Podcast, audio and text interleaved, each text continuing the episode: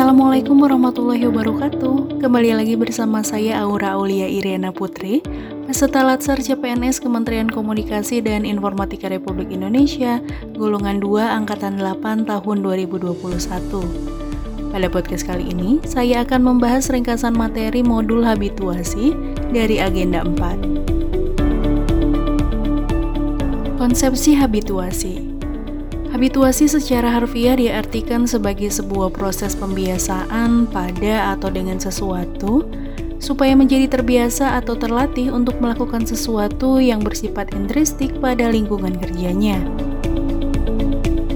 Habituasi merupakan penciptaan situasi dan kondisi atau persistent life situation tertentu untuk membiasakan diri berperilaku sehingga terbentuk karakter diri melalui proses internalisasi dan dipersonifikasi atau perumpamaan melalui intervensi tertentu. Aktualisasi menerjemahkan teori menjadi praktek, konsep menjadi konstruk, dan gagasan menjadi sebuah kegiatan. Aktualisasi sebagai intervensi agenda habituasi. Aktualisasi bersifat ekstrinsik. Kemampuan yang harus dikuasai peserta pada pembelajaran adalah isu, jumlah kegiatan, kualitas rencana kegiatan, relevansi rencana kegiatan dengan aktualisasi, dan teknik komunikasi. Lalu melaksanakan aktualisasi yaitu berdasarkan kualitas pelaksanaan kegiatan, kualitas aktualisasi, dan teknik komunikasi. Dalam merancang aktualisasi, perlu diperhatikan beberapa hal. Isu apa yang peserta temukan? Kegiatan kreatif apa yang digagas untuk dapat memecahkan isu?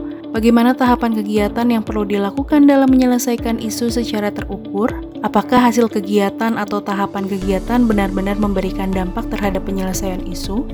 Apa yang akan diaktualisasikan dalam proses pelaksanaan kegiatan dalam rangka penyelesaian isu?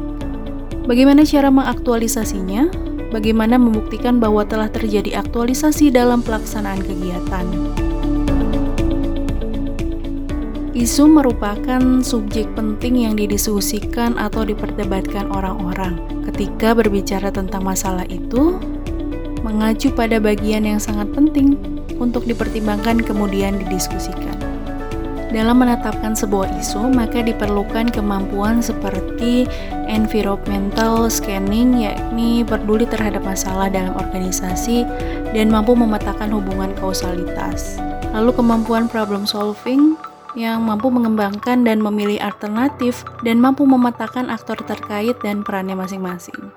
Lalu kemampuan analisis, yakni mampu berpikir konseptual, mengaitkan dengan substansi mata pelatihan, mampu mengidentifikasi implikasi, dampak, manfaat dari sebuah kebijakan program kegiatan dan tahapan kegiatan.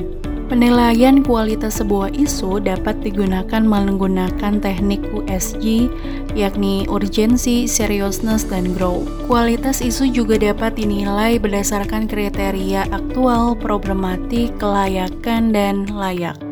Rumusan isu ini yakni pernyataan mengenai suatu isu yang ditulis secara singkat dan jelas, memuat sebuah fokus, memuat lokus, dan waktu terjadinya isu.